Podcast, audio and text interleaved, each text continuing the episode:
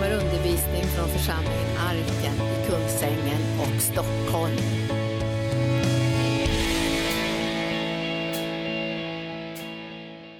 Jag tänkte att vi skulle ta bara någon minut och så ska vi bedja om beskydd för någonting som går just nu och det är influensa och magsjuka. Och det ska vi säga nej till. Vi ska säga nej till det och vi ska stoppa det redan när det knackar på första gången. En liten knackning så säger vi nej. Och så ger vi utrymme för hälsa och helande och Guds närvaro. Det är väldigt många som just nu attackeras av influensa och vi tycker att det är tråkigt. Och vi ska bryta igenom så att det ska gå snabbt att bli frisk. Tycker ni inte det? Så vi lyfter upp syskon i församlingen, kanske du har någon anhörig också som attackerad av influensa, så bara ber vi om beskydd. Och vi tackar dig Herre nu för nyckeln att binda och nyckeln att lösa. Och vi binder upp i Jesu Kristi namn varje attack av influensa och magsjuka i församlingen, i våra, bland våra anhöriga, i skolan, förskolan. Vi bara binder upp de här krafterna och vi talar till virus och bakterier att de ska böja sig i namnet Jesus. Och jag löser ut en smörjelseolja av läkedom, av härlighet, av Guds närvaro och jag kallar på hälsa tillfrisknande, styrka i kropparna. Jag kallar på styrka i immunförsvaret, att strida. Jag bara välsignar de vita blodkropparna, att de ska kunna strida mot varje bakterie och virus. Och jag tackar dig Herre för att du har sagt att vi har hälsa genom dina sår. Och jag proklamerar ditt ord, att genom dina sår är vi helade. Och jag banar väg för ditt ord in i varje persons liv just nu som attackeras av sjukdom. Och jag sänder ordet genom namnet Jesus, så sänder jag ordet med hälsa. För du har sagt här att det finns läkedom i det ordet för vår, hela vår kropp. Så vi sänder det ordet och vi tackar dig Herre för att du har gett löftena och du står bakom löftena och du har sagt ja till löftena och vi får säga också amen till de här löftena. Och vi ber Herre idag att de här löftena ska bli en verklighet i våra egna liv där vi ska få se att vi är mer än övervinnare och att sjukdomar och ondskans makter ligger under Jesu fötter och därför ligger de också under våra fötter i och med att du har sagt att genom rättfärdighet så regerar vi i liv. I Jesu namn, Amen. Tack Jesus. Idag ska jag, ska jag säga först någonting. Där sitter Lena Nordström för det första. Res dig upp Lena. Du ska ha Israelbönen idag. Ja. Så vi kommer att ha bön för Israel och vi kommer att ha det i bönerummet där. I januari så kommer vi att resa till Israel. Vi har ett arbete i Israel. Och vi, har, vi besöker ganska många församlingar, både på, bredvid Gazaremsan och in mot Tel Aviv och Jerusalem. Och vi möter många församlingar. Vi kommer att resa nu en hel vecka för att betjäna församlingar med helande tjänsten. Och när vi besöker många församlingar så tittar vi också och ser vad finns det för kallelse i de här församlingarnas hjärta. Och vi önskar från arken att kunna särskilt ta till oss några församlingar som har helande tjänsten och fortsätta att bygga och utveckla helande tjänsten i Israel. Samtidigt vill vi välsigna Kristi kropp så mycket som vi bara kan och flöda med den heliga ande med läkedom. Så nu ska vi bedja i, i eftermiddag, blir ja, 13.30, det är inte eftermiddag, det blir efter vintermötet till slut, så ska vi bedja för Israel. Vi ska be för den här resan också och att vi ska få väldigt många fina kontakter och känna igen de här, den här helande tjänsten som nu växer till kraftfullt i Israel. Och vi besöker också rehabiliteringshem, bibelskolor och församlingar. Och sen delar vi med oss från, från Guds hjärta, Guds profetord om läkedom för såren, sjukdomar och för upprättelse för folket i Israel, att de ska kunna bära den här tjänsten i sina församlingar och föra in läkedom för många, många som kommer nu och blir frälsta, de är sargade på olika sätt, det är vad Jesus säger, eller hur? Han ser på skörden och så säger han det är en sargad skörd. Och så ber han om arbetare till skörden. Idag ska jag fortsätta min predikan som jag hade förra söndagen. Ifall ni inte var här så talade jag om, om Paulus som skulle upprätta trons lydnad bland alla hedna folk. Och vi talade om hjärtats lydnad och överlåtelse till Gud. Och nu den här söndagen idag ska jag tala om fostran. Och jag ska tala om andens fostran. Pastor Gunnar brukar säga att när du har vuxit till en viss ålder, då är fostran över. Alltså vi fostrar inte vuxna människor, utan de får fostra sig själva. Men när vi var barn så fick vi fostran. Men det finns en fostran som är pågående i våra liv och det är den heliga andes fostran. Och vi ska tala idag lite grann och se varför pågår det en andens fostran i våra liv. Och varför behöver vi bejaka och ta emot den fostran från den heliga ande? Jo, därför Gud håller på att föra oss till mognad. Alltså vi, det, det, finns ju en process i våra liv som är från andlig bebis till andlig tonåring till att bli en andligt mogen människa. Och jag tror inte att Gud önskar att vuxna människor ska vara barn i anden. Man, man är barn i anden i sin relation med Gud. Men nu talar vi om andra saker, att, vi, att när vi har börjat vandrat med Gud några år så sker det också en mognad i våra liv. Och vi, ska, vi, ska, vi ska motiveras idag att låta Herren fostra oss. Vi ska säga ja till fostran. Därför att vi, vi, vi säger ja till Guds andes fostran. Det är jobbigt när vi går omkring och fostrar varandra och de flesta sätter väl taggarna ut när vi, vi går ut i en sån fostran. Och därför är det viktigt att vi säger ja till andens fostran. Ja, jag hoppas ni vill säga ja till andens fostran idag när jag har undervisat färdigt. Och då kommer ni att känna så här, halleluja, vilken underbar plan Gud har. En del av oss har ju fostrats väldigt bra som barn, en del har ju fått en fantastisk fostran. Vi har lärt oss att leva.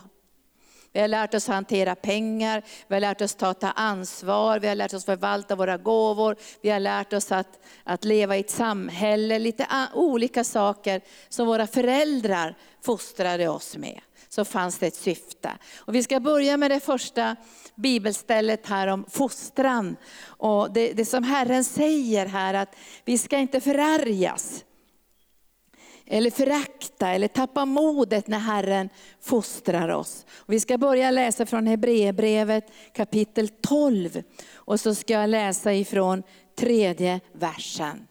Kapitel 12 och tredje versen. När jag har predikat färdigt idag så kommer du att säga så här, halleluja, kom heliga ande och fostra mig.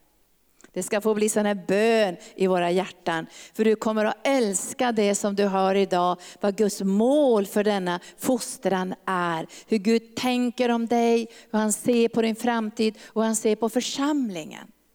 Och då säger Herren så här att vi ska tänka på Jesus som har fått utstå sån fiendskap från syndare så att ni inte tröttnar och tappar modet. Än, säger han, har ni inte gjort motstånd ända till blods i er kamp mot synden. Och ni har inte glömt uppmaningen som talar till er som söner. Och så står det så här, min son, förakta inte Herrens fostran. Min son, förakta inte Herrens fostran och tappa inte modet när han tuktar dig. Till den som Herren älskar, den tuktar han och han agar var son som han har kär. Tuktan, fostran och att bli agad av Gud. Det skulle vi kanske tycka kännas jobbigt. Men vi ska säga ja till det här därför Guds syfte med denna fostran är underbar. Och då står det så här i, i, den, i den åttonde versen. Får ni inte fostran som alla, får ni inte fostran eller jag måste läsa från sjunde versen. Det är till er fostran som ni får utstå lidande. Gud behandlar er som sina söner. Vilken son blir inte fostrad av sin far? Får inte ni fostran som alla andra, då är ni oäkta barn och inga riktiga söner. Vi hade våra jordiska fäder som fostrade oss och vi hade respekt för dem. Ska vi då inte så mycket mer underordna oss andarnas far så vi får leva? Våra fäder fostrade oss för en kort tid så som de tyckte var rätt. Men Gud gör det för vårt bästa och nu får ni den första punkten, för att vi ska få del av hans helighet. För stunden verkar ingen fostran vara till glädje, utan snarare till sorg. För stunden är inte fostran till glädje, utan den kan mera kännas till sorg. Kommer du ihåg när du var liten och fick din första gräns? Du fick ditt första nej av föräldrarna, det här går vi inte med på. Och så blev du jättekötslig. När jag var 16 år så fick jag nej av min mamma. Jag brukar aldrig säga nej, men jag fick nej av min mamma. Då blev jag så fruktansvärt arg så jag kastade en stol ner för trappen. Och så skrek jag och så smällde jag i dörren och så köttade jag mig något fruktansvärt inne på mitt rum. Och sen när jag hade suttit där en stund så gjorde jag ett beslut i mitt hjärta som jag sen har hållit resten av mitt liv. Jag, jag sa så här, jag ska aldrig mer göra så här mot min mamma. Så var det slut med det. Jag gjorde ett beslut. Men jag kommer så väl ihåg den där vreden jag kände, det upproret som kom i mig när jag fick den här gränsen. För jag hade inte haft så många gränser i mitt liv och nu kom den här gränsen. Och jag tyckte, när jag, vill, jag gör som jag vill, jag går inte med på det här. Jag, jag gör precis, jag står emot det här. Och så fick jag plötsligt sitta i mitt rum och så såg jag mitt hjärta. Nu var inte jag kristen på den tiden, men jag såg i min mammas ögon hur ledsen hon blev. Därför hon var en otroligt snäll person. Och hon gav nästan alltid med sig när man hade tjatat nog länge, så visste man, tjatar jag nog länge så kommer mamma gå med på det här, för hon satte ofta inga gränser. Men jag tror att, att det här, det hände, jag såg någonting i mitt eget liv när jag fick en gräns. Och när fostran kommer så är det ju inte alltid man säger halleluja, vad underbart, jag fick lite fostran. Utan när fostran kommer från den heliga ande så kan man först känna att det här är jättejobbigt. Alltså man måste känna igen det. Det här var jättejobbigt, den här fostran. Men jag låter den heliga ande fostra mig, för det finns ett högre syfte än den fostran jag fick av mamma och pappa. De skulle lära mig att leva. Sen fick jag ju ta eget ansvar. Och jag ser ju ibland på unga människor som kanske är 20-25 års ålder, att de inte har fått någon fostran. De, de får gå på kurser för att klara sin ekonomi, de klarar inte sina relationer, de klarar inte ett arbete, därför att man får inte fått någon fostran. Och när föräldrarna fostrar så är det ju inte bara för att de är arga, du får inte göra det här, du får inte göra det här. För jag märker ibland när man fostrar barn är man bara arg. Utan fostran handlar om att lära en person att leva. Eller hur? Jag märker på en del som vi pratar med så här, att de är bara arga. Barnen är upproriska och barnen gör inte vad man säger och så är de arga. Det är inte fostran. Fostran är att ha ett mål, en tanke med fostran. Det här ska bli själva frukten av den här fostran. Det här beteendet ska förändras. Det här, det här ska ske något gott i, den här, i det här barnets eller tonåringens liv. Och nu kommer den här fantastiska första punkten då. Vi ska få del av hans helighet. Tänk när Gud fostrar oss så har han ett mål att vi ska få del av hans helighet. Att det ska hända något i våra liv som gör att vi kan bära Herrens härlighet både som individer och som Guds församling. Och då förstår vi varför fostran är så viktig, så att vi inte stannar kvar på det andliga bebisstadiet. Jag satt i morse och bara för att jag skulle titta så, hur är andliga bebisar? Och då, då, då, såg jag den första, det var många punkter det där. Men en andlig bebis förstår inte undervisning om rättfärdighet. En andlig bebis skulle misstolka undervisning om rättfärdighet och tänka, jag kan göra vad jag vill nu när jag är godkänd av Gud. Men det är inte många som tänker så, men en del tänker så. De förstår inte vad rättfärdighet verkligen är. Och andliga bebisar, de är kötsliga. De reagerar i köttet och de skriker och de säger emot och de köttar sig. Det, det är också andliga bebisar. Och sen står det också i Bibeln att andliga bebisar kan inte äta fast föda, utan man måste ständigt ge dem mjölk. Och andliga bebisar bygger på fel grund, de bygger på människor och skapar också splittring i Guds församling, står det i Bibeln. Och det står också att andliga bebisar kastas hit och dit av varje vindkast i läran. Alltså de är ostabila.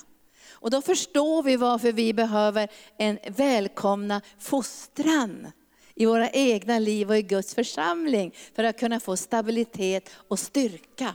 Vart ni sura nu när jag pratar? Säger ni, det här vill vi. Jag minns en gång jag var med en pastor, han var så sliten och trött så han nästan började grina av trötthet. Och så sa han så här, ja, jag skulle önska så att de stora gamtackarna kunde vara med istället och, och, och, och, hjälpa till istället för att jag hela tiden lyssnar så säger de, bär, inte bä utan bär. Och han sa, jag bär så många gamtackor på ryggen att jag orkar inget längre. Jag sa, det kommer att lösa sig, så. De här gamtackorna de kommer att mogna och, och föra moderfåren fram. Fostran, om man tänker så här, välkomnar jag fostran i mitt liv? Välkomnar jag det? Om det ger sorg bara för stunden och det är bara jobbigt för stunden med Guds fostran. Men om jag skulle tänka, vad har han för syfte med det? Jag ska få del av Guds härlighet. Då välkomnar jag det och så blir det en frukt. Och Herren säger så här till oss så här, att för stunden verkar ingen fostran vara till glädje, utan snarare till sorg. Men för de som har tränats genom fostran. Alltså man tränas genom fostran. Man tränas genom fostran att lära känna Gud. Och, och, och, förstå vad Gud har på sitt hjärta. Man tränas också i en lydnad som inte kommer bara av det som finns för ögonen. Jag kommer ihåg en gång, en av mina döttrar, jag ska inte nämna vem det var, hon kunde kötta sig rejält när man satte en gräns. Man sa nej det här går vi inte med på, det här vill vi inte. Och hon skrek och bråkade och tårarna sprutade. Och på gamla arken så hade hon en kompis som var mycket mer lurig. Och när vi kom ner för trappen en gång så hörde vi deras samtal och vi stannade och lyssnade. Och den här kompisen sa så här, bråka inte med mamma så mycket utan låtsas att du tycker om det hon säger. Och så gör vi ändå vad vi vill. Du måste vara lite smartare, sa hon, kompisen. Så när, när, mamma säger nej, då ska du säga, ja men visst mamma, jag går med på det här, jättebra att du säger det. Och så gör du ändå vad du vill. Vi stod och lyssnade och så tänkte vi, det var väl en smart unge. Hon hade kommit på ett annat sätt och komma förbi och slippa gå lydnadens väg. Men, men genom fostran så tränas man. Man tränas att hålla tider, man tränas att klara av ett arbete, man klarar av att hålla en budget, man klarar av att få ansvar. För, för jag då tänkte ibland, om jag, mina barn var små så hade man ibland barnvakter. Och man tänkte ibland, vågar man lita på den här personen? Vågar man lita på att man lämnar så mycket ansvar till den här personen? Alltså fostran gör också att vi, att vi tränas. Vi tränas. Man kan inte mogna bara hur som helst. Man tränas till mognad. Är det inte så? Man låter en liten, inte en liten bebis få städa hela sitt rum och, och göra sådana saker. Utan man tränar den sakta men säkert så att den ska kunna ta ett litet eget ansvar, växna och mogna. Och så, och så när man har kommit förbi tonårsperioden så är det tänkt att man ska bli myndig och klara av sitt eget liv och sin egen fostran. Nu talar vi om det naturliga. Men den andliga fostran har vi hela livet. Och så säger Herren så här då, att för stunden så är det ingen glädje, snarare sorg. Men för de som tränas genom fostran ger den längre fram frid och rättfärdighet som frukt. Jag tänkte vilken underbar frukt det blir av fostran. Det blir en frukt av frid och en frukt av rättfärdighet. Och det är väl den frukten vi längtar efter att få i våra liv. Alltså en djup och varaktig och trygg gudsrelation. Där vi kan få en annan drivkraft än fruktan och avundsjuka och bitterhet och självhävdelse. Utan det blir en, fruktan som kom, en frukt som kommer genom anden. Därför utan fostran bär vi inte frukt. Det blir ingen frukt om vi inte välkomnar fostran. Och nu, ska vi, nu tar vi den första punkten där, vi får del av Guds helighet. Halleluja. Och sen ska vi titta på andra Timoteus 3 och 16 och också se att den här fostran gör oss rustade och färdiga till tjänst. Därför välkomnar vi fostran in i våra liv. Herren säger i 3 och 16, hela skriften är utandad av Gud och nyttig till undervisning och tillrättavisning och upprättelse och fostran i rättfärdighet. Så att gudsmänniskan blir fullt färdig, väl rustad för allt gott verk. Gud håller på att fostra fram en gudsmänniska som ska kunna bära Herrens härlighet i sitt liv. Alltså en gudsmänniska som blir rustad av Gud. Och utan fostran så rustas vi inte av Gud. Utan vi behöver tränas och rustas av den helige Ande. Och målet är en Guds människa som ska vara rustad för varje god gärning. Fullt färdig och väl rustad för varje god gärning. Och jag tänker ibland så här när vi sitter i själavård, då kan man ju välja två vägar som ledare. Då kan man fråga så här, vill du att vi bara ska hålla med om allt du gör? Och, och säga okej okay till allting? Eller vill du fostras? Jag brukar sällan ställa de frågorna. Men det är nog viktigt att se sitt eget hjärta, eller hur? Vill jag bara ha ett gensvar? För, för en tid sedan så kom det en kvinna hit som var i väldig ofred. Hon var på väg att gifta sig med en man som inte var frälst och hon kände att hon bodde i samboförhållande och var, hade väldigt mycket ofrid på insidan. Och jag tror att hon hade gått runt till olika platser för att skulle hitta någon ledare som sa att det var okej. Okay. Jag tror att hon gjorde det. Jag kände på mig det när jag mötte henne. Att hon hade gått runt, hon ville möta någon som sa, ja men det är okej. Okay. Det är okej okay det här. Men när jag mötte henne så bara kände jag den heliga ande sa, så sa jag till henne så här, jag är inte din pastor och jag är inte din mamma heller. Men jag kan ge dig ett andligt råd utifrån Guds ord. Som du får ta hem nu och låta Herren tala in i ditt hjärta. Så tror jag att Herren kommer att fostra dig så du kan skilja mellan gott och ont. Du kan skilja på Guds väg och köttets väg. Så, jag, så gå hem och så, så gav jag henne tre, fyra bibelställen som var i linje med det som Herren skulle tala in i hennes liv. Så släppte jag henne. Och sen gick det några veckor och så hade vi konferens här. Och då kom det en tjej som såg så otroligt strålande ut så jag kände inte ens igen henne. Och så sa hon så här, Herren har talat. Och så berättade hon nu vilken väg hon hade gått, ställt in bröllopet, fick prata med den här mannen. Och han förstod det också, att det här gick inte, de hade två totalt olika liv som de skulle leva. Och, och hon sa, jag vill inte tvinga dig att bli frälst för att vi ska gifta oss, för de älskade varandra, de gav varandra frihet att kunna följa Guds vilja, att hon kunde följa Guds vilja. Och jag mötte en, en kvinna som hade mognat bara på några veckor i lydnad och kärlek till Gud. Får vi ett amen på det?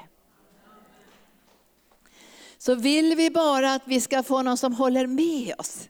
Eller vill vi ha någon som kanske ifrågasätter det vi håller på med? Kanske fråga oss, är det här verkligen bra? Är det här i linje med Guds ord? Talar Gud på det här sättet? Alltså att det är någon som påverkar oss. Jag hade en kompis som jag tackar Gud för idag, att jag tjatade en hel natt med henne. Jag bara visste att när hon är på väg åt fel håll, hon kommer förstöra hela sitt liv. Och jag kommer ihåg att jag hade så mycket kärlek, att vi tjafsade och pratade och vi pratade och vi bad hela natten. Och sen så sa jag på morgonen, nu är det ditt beslut. Nu måste du göra vad du känner i ditt hjärta. Men nu vet du i alla fall vad, vad, vad jag tror Guds ord säger, vilken väg som är den rätta vägen. Och vill du ändå göra vad du vill så, så är det upp till dig. Men jag tackar Gud för att de här orden trängde in i min kompis hjärta och hon valde en rätt väg. Idag är hon en stark tjänstegåva i Sverige och tjänar Herren. Tack Jesus. Och det här måste vi fråga oss. Vill vi ha bara att vi stryks medhårs eller vill vi utsättas för, vill vi utsättas för fostran? Och det är Guds ord som fostrar oss. Det är Guds ord som fostrar oss. Vi fostras inte längre av varandra, vi jagas inte längre av varandra. Det är Guds ord som fostrar oss. Och i det här mötet med Guds ord så blir det en fostran.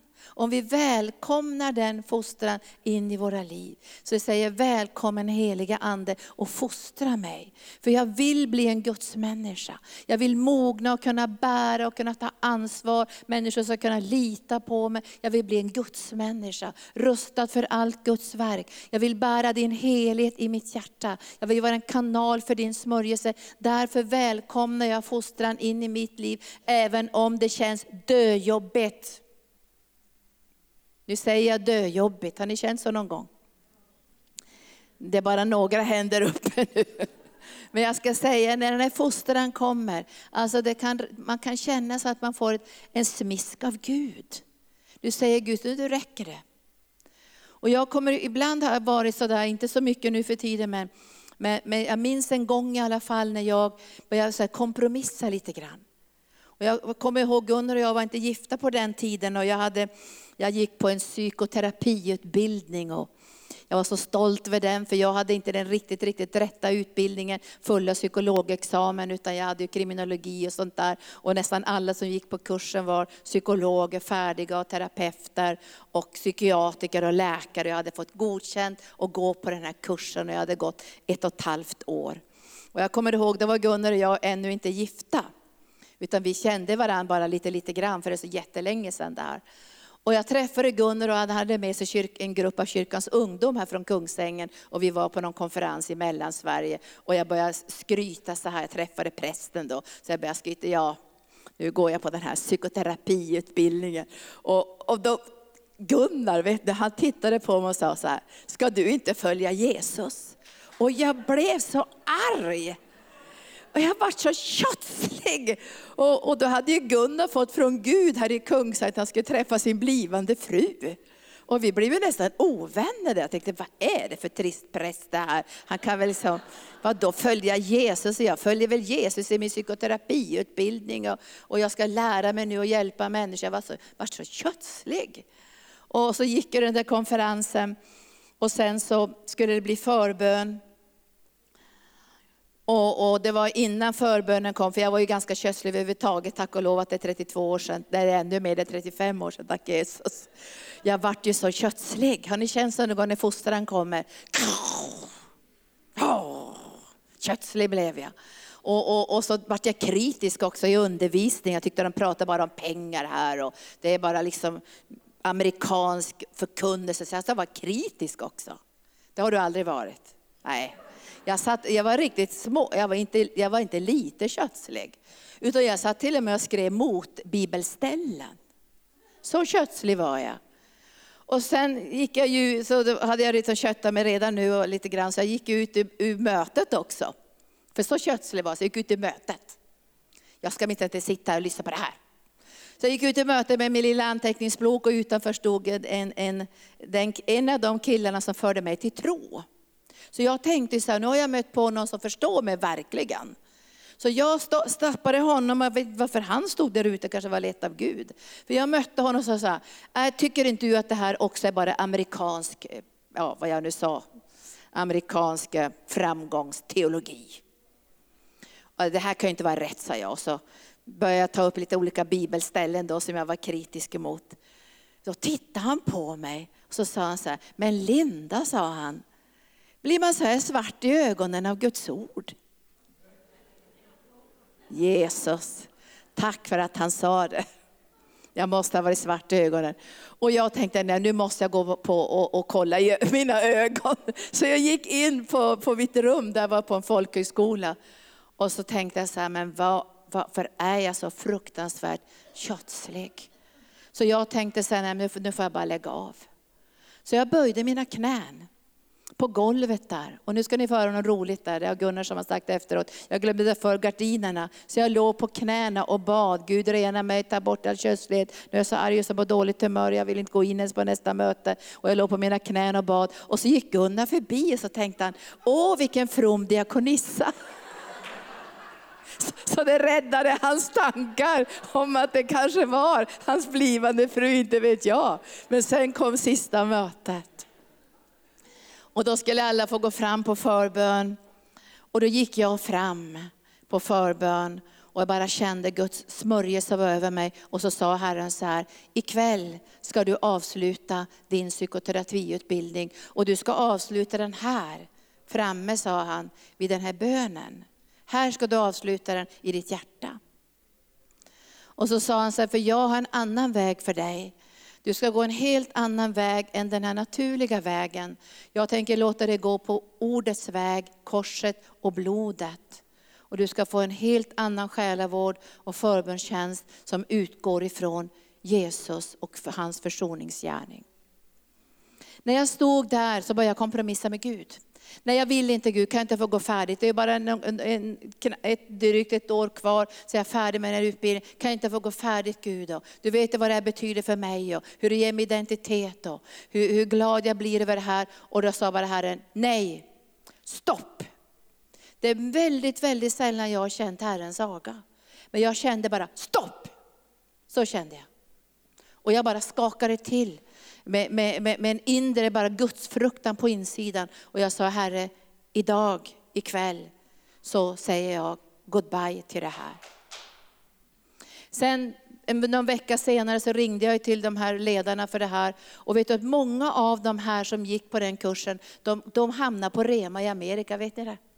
Jag kan inte förklara, jag gjorde ingenting. Jag blev aldrig elev på Rema eh, Bible School där på Kenneth Hagen's, någonsin. Men många av de här psykologerna, terapeuterna och psykiatrikerna, de hamnade, de tog stegen och blev bibelelever i Amerika. Men den, den dagen därpå, nu ska ni få höra, dagen därpå, då hände det någonting. När konferensen var slut så satt jag i, i kafeterian, men det hade hänt någonting i mitt hjärta. Jag kände så här att, att det, här, det här upproret och det här mörkret som jag hade kämpat med, det var som att jag sa Gud, jag tänker ödmjuka mitt hjärta. Och sen tänker jag pröva utifrån ditt ord allting. Och, och se, står det i ditt ord så tänker jag ta till mig det. Så jag gjorde ett beslut i mitt hjärta. Och så satt jag där i kafeterian och så kom några av huvudledarna i konferensen. Alltså det här var helt märkligt alltså. Två, någ, tre, två eller tre huvudledare i konferensen som hade, hade både från Amerika och Sverige som var ledare i konferensen. De, plötsligt skrek de till oss och sa de, vi ser Guds ande över det här bordet. Guds ande över bordet. Vet du, jag har aldrig i hela mitt liv sedan dess haft en så stark andlig upplevelse. För jag trodde att jag skulle gå ut ur min kropp. Alltså de kom fram och la händerna på mig. Och så löste de smörjelsen. Och jag, jag fick en sån ska säga, profetisk smörjelse över mitt liv. Så det kom en sån kraft, och jag kände det i hela kroppen. Så jag skrek så här, sluta be, sluta be, för jag vet inte om jag håller på att lämna min kropp. Alltså det var en sån kraftfull beröring av den helige Ande.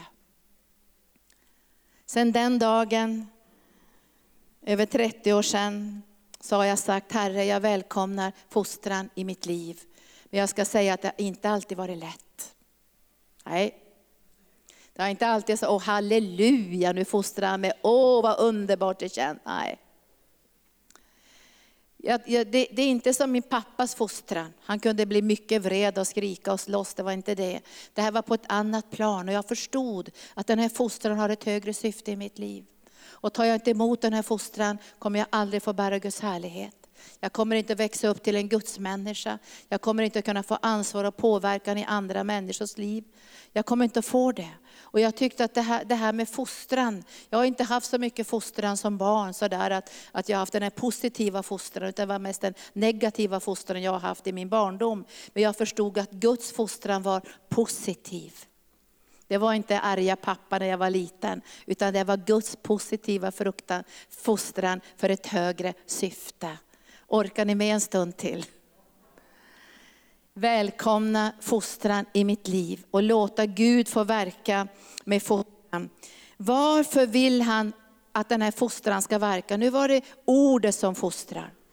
Anden fostrar och ordet fostrar. Och sen ska också nåden fostra oss. Och det står i Titus brev i kapitel 2, hur nåden fostrar oss.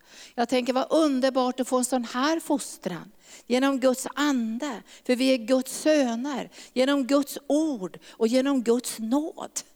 Jag tror inte att Gud kommer att slå dig och, och, och, och trycker ner dig och skickar sjukdomar på dig när han ska fostra dig. Eller kasta dig in i ett mörkt rum eller eh, övergrepp. Det är inte Guds fostran. Men ändå kan Guds fostran vara jobbig. Därför det tar tag i saker på insidan som Gud måste rensa undan för att hans planer ska kunna förverkligas i vårt liv. Så man kan känna sorg när Gud fostrar, så det är inte något som är fel. Och nu känner jag sorg, ja, men då är det säkert inte Gud. Utan då måste du tänka om Guds ande fostrar dig, om Guds ord fostrar dig, om Guds nåd fostrar dig. Så när Guds nåd fostrar dig och mig så är det för att vi ska kunna säga nej. Jag hade svårt att säga nej till kompisar när jag var liten. För jag ville jättegärna vara med med kompisarna.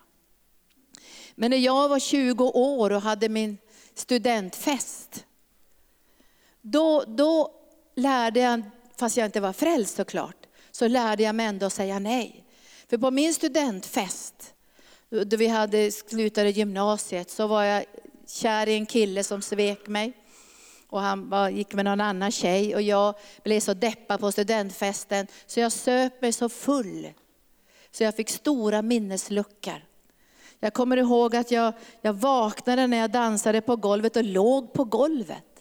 Och den morgonen jag vaknade så bestämde jag mig att aldrig mer dricka en droppe alkohol. Aldrig dricka en droppe alkohol.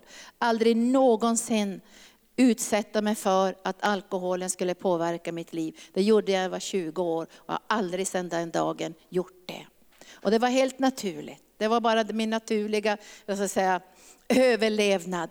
Men när nåden fostrar mig, då får jag kraft att säga nej till saker som inte är bra för mitt liv.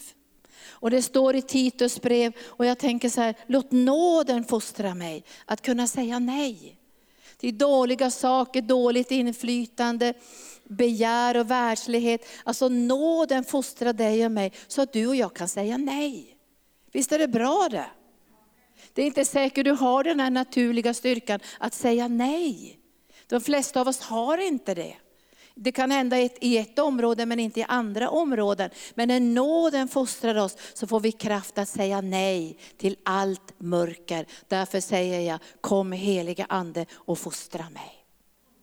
Och så står det i Titus brev så här, Guds nåd har uppenbarats till frälsning för alla människor. Titus brev 2 och 11. Den fostrar oss att säga nej till ogudaktighet och världsliga begär och istället leva anständigt, rättfärdigt och gudsfrukt viktigt i den tid som nu är, medan vi väntar på det saliga hoppet att vår stora Gud och frälsare Jesus Kristus ska träda fram i sin härlighet. Han har offrat sig för oss för att friköpa oss från all laglöshet och rena åt sig ett eget folk som är uppfyllt av iver att göra goda gärningar.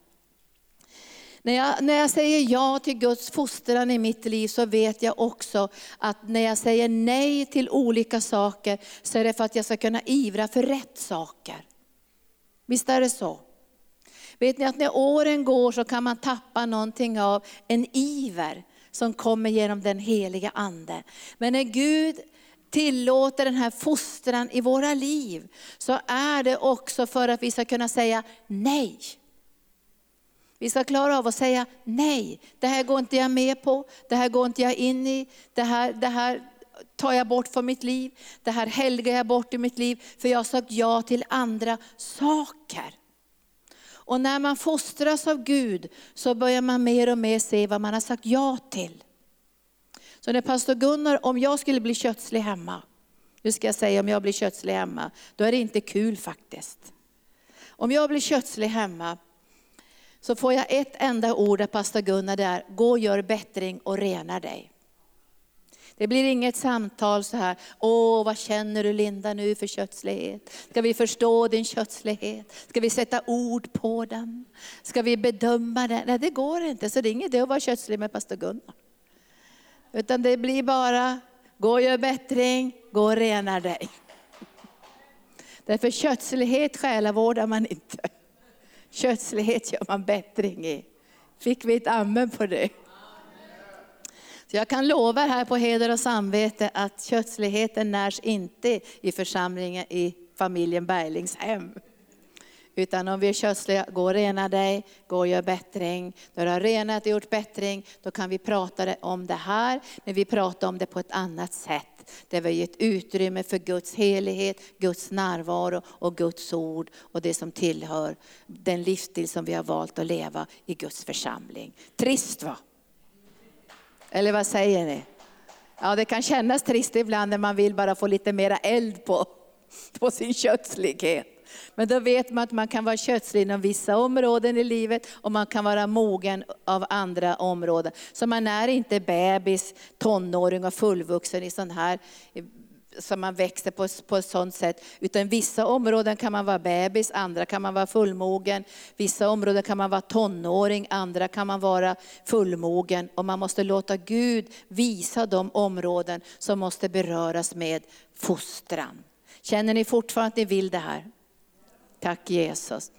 Tack Jesus för fostran genom nåden. Så när nåden verkar i ditt och mitt liv, då kan vi få kraft att säga nej. Vi känner så här, vill inte vi leva om det är Jesus som är vår Herre och Frälsare. Om det är han som har gett sitt liv för oss, då, då vill vi inte ha de här sakerna i, i vårt liv. Vi vill leva till hans välbehag och vi vill ära honom med vårt liv och med våra handlingar. Nu ska vi ta den sista punkten och vi ska läsa från Ordspråksboken. Vi ska älska fostran. Jag ska inte läsa det där bibelstället som säger att ett ouppfostrat barn drar skam över sina föräldrar. Jag har ju varit med om det någon gång när ni har haft mera barn och så känner man efteråt att man bara skämdes. Men det händer ju inte så ofta. Men det har hänt. Men vi ska börja läsa ifrån 15 och vi ska läsa ifrån, ska börja läsa ifrån 12 först. 12. Ordspråksboken kapitel 12. När du och jag får del av Herrens fostran så växer vi i kunskap och visdom, det vill jag. Jag känner jag har en längtan i mitt hjärta att få växa till i kunskap och i visdom för att kunna handskas rätt med saker på daglig basis i, mina egna, i mitt eget liv, i ledarskap och det som vi ska göra ut över världen när vi påverkar andra människor. Och det står i Ordspråksboken kapitel 12 och versen 1. Den som älskar fostran älskar kunskap. Den som älskar fostran älskar kunskap. Och vi vill ju ha en kunskap som i första hand inte kommer ifrån världen. Vi vill ju få kunskap genom den heliga ande. Vi vill få uppenbarelse i ordet. Därför älskar vi Herrens fostran. Pastor Gunnar, han, jag lovar er, han smeker mig inte medhårs. För han vill inte att jag ska stanna i barnstadiet. Utan han vill att jag ska växa och mogna. Och ibland så tycker man att det är lite jobbigt när man möter sådana människor som vill att man ska växa och mogna. Vi hade en, en läkare här från Norge eh, som vi hade på våra sjuk och själavårdskonferenser när vi, när vi bodde på andra sidan här och hade arken. Och han var otroligt vass. Jag kommer ihåg när vi satt och samtalade med honom så fick, kunde man inte bara sitta och, och babbla. Han, han, kunde bara stoppa mitt i samtalet och säga, var kommer det där ifrån? Vad menar du med det där?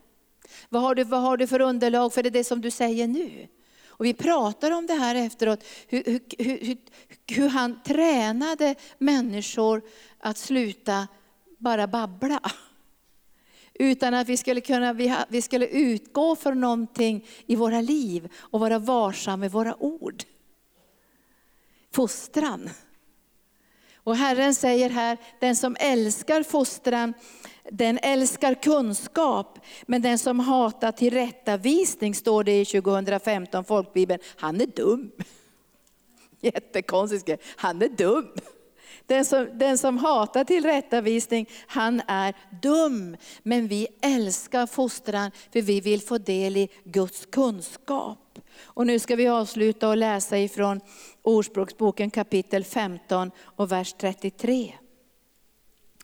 Eller jag kan läsa 32 först. Den som avvisar fostran föraktar sitt liv. Den som lyssnar på tillrättavisning får förstånd. Vördnad för Herren fostrar till vishet. Ödmjukhet går före ära. Man kan ju avvisa fostran genom människor. Det kan vi ha rätt att göra också. Men vi ska inte avvisa fostran som kommer ifrån Gud.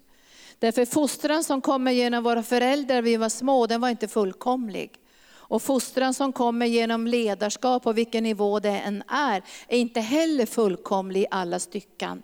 Men den fostran vi får från Gud är fullkomlig, är den inte det? Så vi ska säga ja till fostran. Och vi ska känna igen den sorg som är efter Guds hjärta. När vi känner så här att det där måste vi sluta med, det där måste vi göra upp med. Det där måste vi låta Herren helga i våra liv för att vi ska få del av hans helighet. Vi ska bli Guds människor och bära hans smörjelse. Vi ska få del av visdom och förstånd och kunskap. Vi ska få del av en nåd som fostrar oss att kunna säga nej i den här världen. För Bibeln säger att vi ska inte anpassa oss efter världen. Vi ska anpassa oss efter Guds rikes principer, efter Guds ords principer. Och vi måste säga nej till en världslig livsstil och till oren moral. Vi måste kunna säga nej som unga människor till samboförhållande och till sexuella kontakter utanför äktenskapet. Vi måste kunna värdera våra kroppar så vi kan säga, nej det här går jag inte med på, för jag tillhör Herren och min kropp är ett tempel åt den helige Ande. Eller så kan man säga, nej det här går inte jag med på, för jag älskar Herren. För du kommer att få många erbjudanden om, om, om saker som inte är rena och ekonomiska saker som är på gränsen i, i någon slags gråzon eller att du ska jobba svart och så här. Och då ska du säga, nej det här går inte jag med på. Och då kanske de säger, varför det? Därför jag älskar Herren och jag älskar fostran i mitt liv. Jag vill fostras så att jag kan växa och mogna och bli bärare av Guds härlighet. Så Gud kan lita på mig. För går jag in i gråzonen när det gäller mitt eget liv, kommer jag gå in i gråzonen när det gäller församlingens liv och församlingens ekonomi. Och, och vi vill att det ska vara ledare som, som har en, en, en etik och en moral tal och en härlighet i sina liv, så vi som församling bara kan slappna av och få en vila. Och, och det står också, jag, jag måste nog få ta det bibelstället också, vad det blev för frukt när, om jag nu hittar det, i Ordspråksboken 29 och 17, och det här är till föräldrar.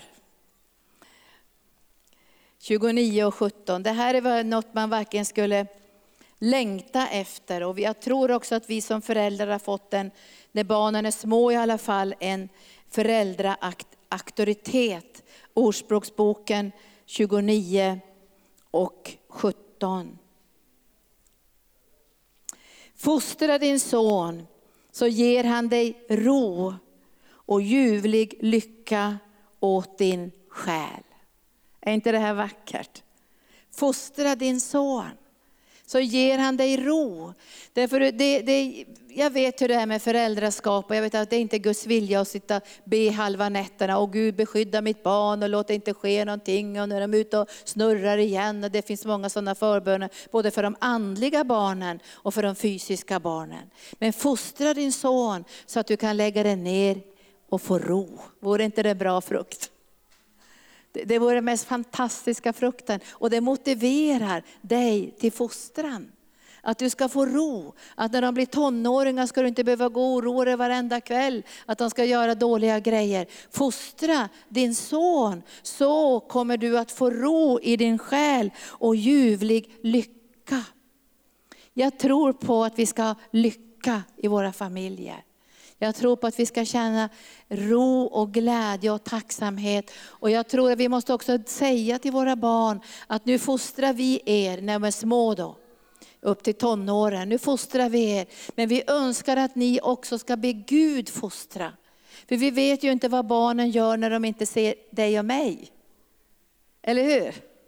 Vi ser inte dem på skolan, vi ser inte dem med kompisarna, vi ser inte när de är ute på festerna. Men tänk om de har låtit nåden fostra dem. Så när kompisarna säger nu super vi oss fulla, då säger de nej. De är fostrade på insidan. Så det räcker inte med den naturliga fostran. Vi behöver välkomna Guds fostran i våra liv och förstå det höga underbara syfte som Gud har med denna fostran och säga ja till den. För vi vill växa upp och mogna. Vi vill bli starka och användbara. Vi vill bli tillförlitliga. Vi vill kunna bära Guds härlighet. Det är vår längtan och vår önskan i djupet av vårt hjärta. Så vi välkomnar fostran. Så nu vill jag be dig heliga Ande för mig själv, för vår ledarskap som vi har här i församlingen. Att vi ska älska fostran som kommer genom din Ande och känna igen den fostran som gör att vi växer, mognar, tar ansvar. Där vi inte kastas i varje vindkast i läran, där vi inte bygger på felaktig grund, där vi inte skapar splittring, där vi inte är med och, och, och, och förstör utan vi är med och bygger upp. Och vi ber dig heliga Ande att du ska hjälpa oss att känna igen Andens fostran. Men också ordets fostran och nådens fostran. Och vi ska också känna igen om vi får en fostran genom varandra, där vi får, där vi får ett mothugg eller någon säger det här tror vi inte kan vara från Gud eller det här, kan inte, det här känns inte rätt. Så vill vi lyssna och ödmjuka våra hjärtan. För vi vill inte gå fel och vi vill inte hamna fel. Utan vi vill kunna vara mitt i det som är din vilja för våra individuella liv, men också för församlingens liv och uppdrag. Hur vi kommer att påverka påverka människor, inte bara i Sverige, utan i Israel, Indien, Nepal, Filippinerna, Vitryssland, många olika länder vill se den mognad och ansvarstagande som vi tar som ledare och församlingsmedlemmar. Och därför tackar vi dig Gud för fostran. Det är inte kul när du fostrar oss alla gånger. Det känns inte jättekul. Men vi vet här att när vi tar emot din fostran genom den heliga Ande så börjar ett mognadsverk som gör att vi inte stannar på barnstadiet utan vi kan komma till en fullmognad och ett ansvarstagande som gör gör att vi kan gensvara till högre smörjelse, starkare genombrott, större mandat, större utrymme. Och vi vet här att du har talat för 2017 att du vill att församlingen Arken ska ha starkare smörjelse, mera nådegåvor, starkare genombrott och större mandat. Och vi vet här att vi, om vi ska kunna komma till den platsen där du ska kunna ge oss förtroende så måste vi också säga ja till din fostran. Kom Helig helige Ande och verka i våra liv. I Jesu Kristi namn. Amen. Ska lovsångarna komma upp? Och så ska vi bedja igen. Kanske du är inne i en fostrans del på något speciellt område. Det kan vara dina känslor, det kan vara ekonomi, det kan vara relationer. Om du är i en fostrans process så kanske du inte är i en fostrasprocess på varenda område i ditt liv, men att du känner igen om det är något område som Gud just nu fostrar. Fostran är ju inte alltid att man bara säger nej till dåliga saker, utan min terapiutbildning den var inte dålig. Det var en jättebra utbildning med kristna lärare också. Men Gud ville att jag skulle gå en annan väg. Och jag, tyck, jag blev väldigt glad när jag läste i Världen idag, i, i, jag läste på, på nätet, att eh, chefredaktören hade skrivit med tydlighet om vad som sker i vård, skola och omsorg när det gäller yoga och mindfulness. Mycket, mycket skarp ledarartikel.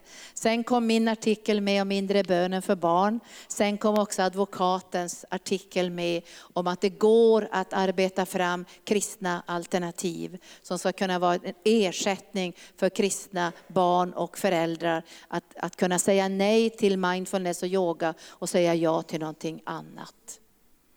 Och jag tänkte när, när jag satt hemma igår så tänkte jag att utan fostran tror jag inte vi får någon påverkan, vi får inga genombrott. Jag vet inte varför jag nu talar jag så allvarligt, det kanske behövs, jag vet inte.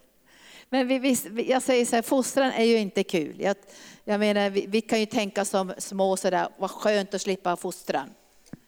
Jag vill inte ha någon fostran när jag är liten, jag gör vad jag vill. Och många sådana barn de kan ju vara, må bra för stunden men det blir ingen bra fortsättning. för deras liv.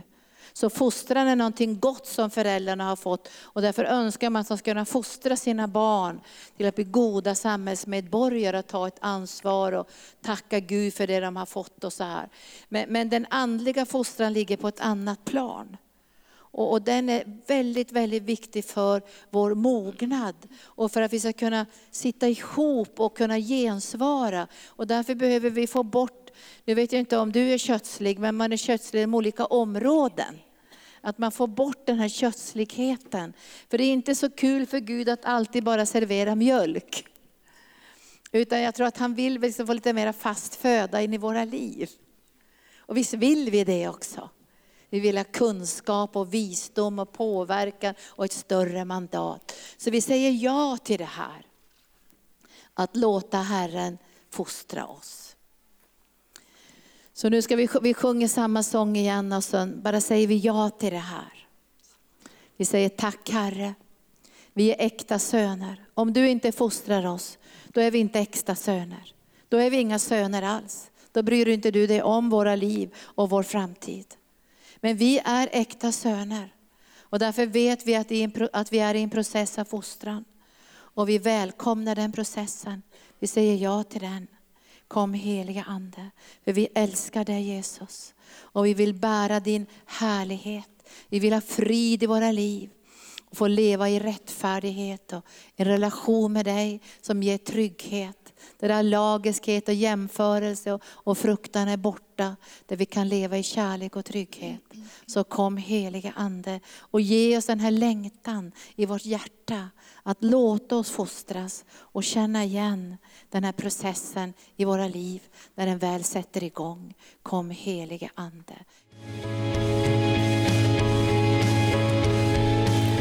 Tack för att du har lyssnat.